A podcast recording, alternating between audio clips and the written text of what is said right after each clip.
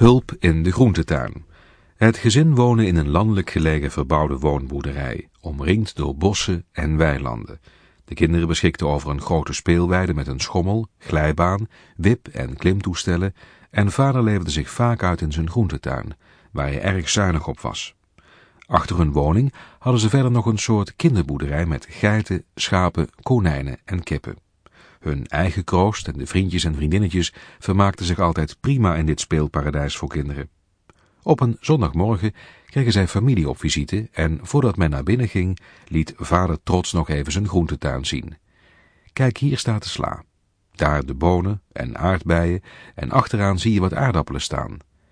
Het is trouwens het laatste jaar dat ik die heb, want het rooien is voor mij te zwaar geworden. Het vierjarig neefje stond achter het hek naar de dieren te kijken en merkte op dat de geiten nog wel erg klein waren. Dat hoort zo, want dat zijn dwerggeiten en de konijnen dat zijn dwergkonijntjes, zei vader, terwijl hij een handje vol brokken aan de jongen gaf. Geef ze dit maar, dan worden ze misschien nog wel wat groter. Toen de ouders binnen rustig een kopje koffie zaten te drinken, besloten de kinderen om vader een handje te helpen in de groentetuin. Ze hadden immers vaak genoeg gezien wat er allemaal moest gebeuren en bewapend met een hark, schoffel en kruiwagen gingen ze aan het werk. Het neefje ontfermde zich over het stuk met de aardappelen en begon de plantjes uit de grond te trekken.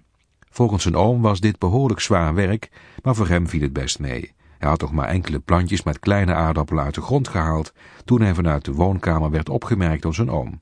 Snel rende hij naar buiten en wees de jongen erop dat de aardappelen eigenlijk nog te klein waren om te rooien. Met het zand al tot in zijn oren, zei de jongen. Oh, ik dacht dat het dwergaardappelen waren.